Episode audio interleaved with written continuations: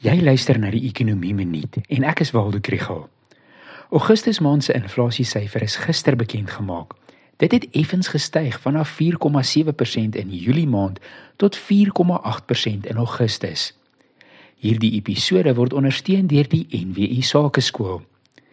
Die stygings is hoofsaaklik die gevolg van die stygings in die petrol en dieselpryse in Augustus en die stygings in Eskom se elektrisiteitstariewe en munisipale heffings.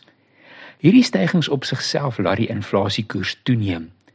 Daar is ook tweede ronde effekte wanneer stygings in die brandstofprys die koste van vervoer verhoog en wanneer elektrisiteit duurder word, dan styg ondernemings se koste en eindelik word 'n deel daarvan deurgegee aan die verbruiker in die vorm van hoër pryse.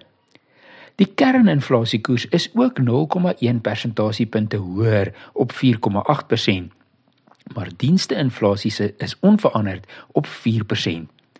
Voedselprysinflasie is steeds bo die gemiddeld op 8% jaar op jaar, maar dit is laer as die 9,9% in Julie.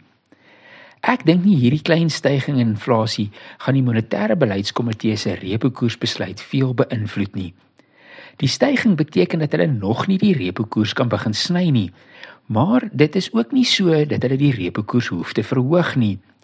Dit werk ook in ons guns dat die Amerikaanse Fed gister hulle beleidskoers onveranderd gelos het.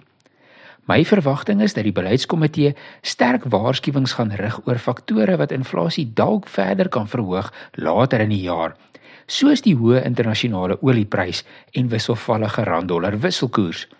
Maar dat hulle die repo koers vir nou onveranderd gaan los.